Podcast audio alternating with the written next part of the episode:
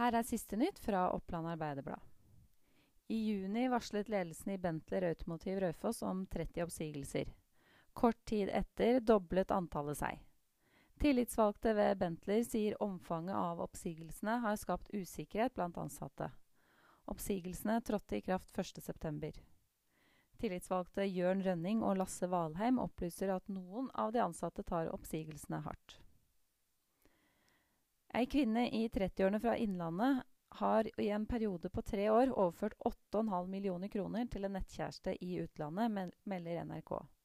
Kvinnen har nå innsett at hun er blitt uh, svindlet, og har anmeldt forholdet.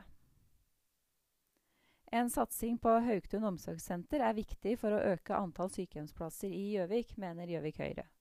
Partiet foreslår å bygge på en ny fløy på Hauktun.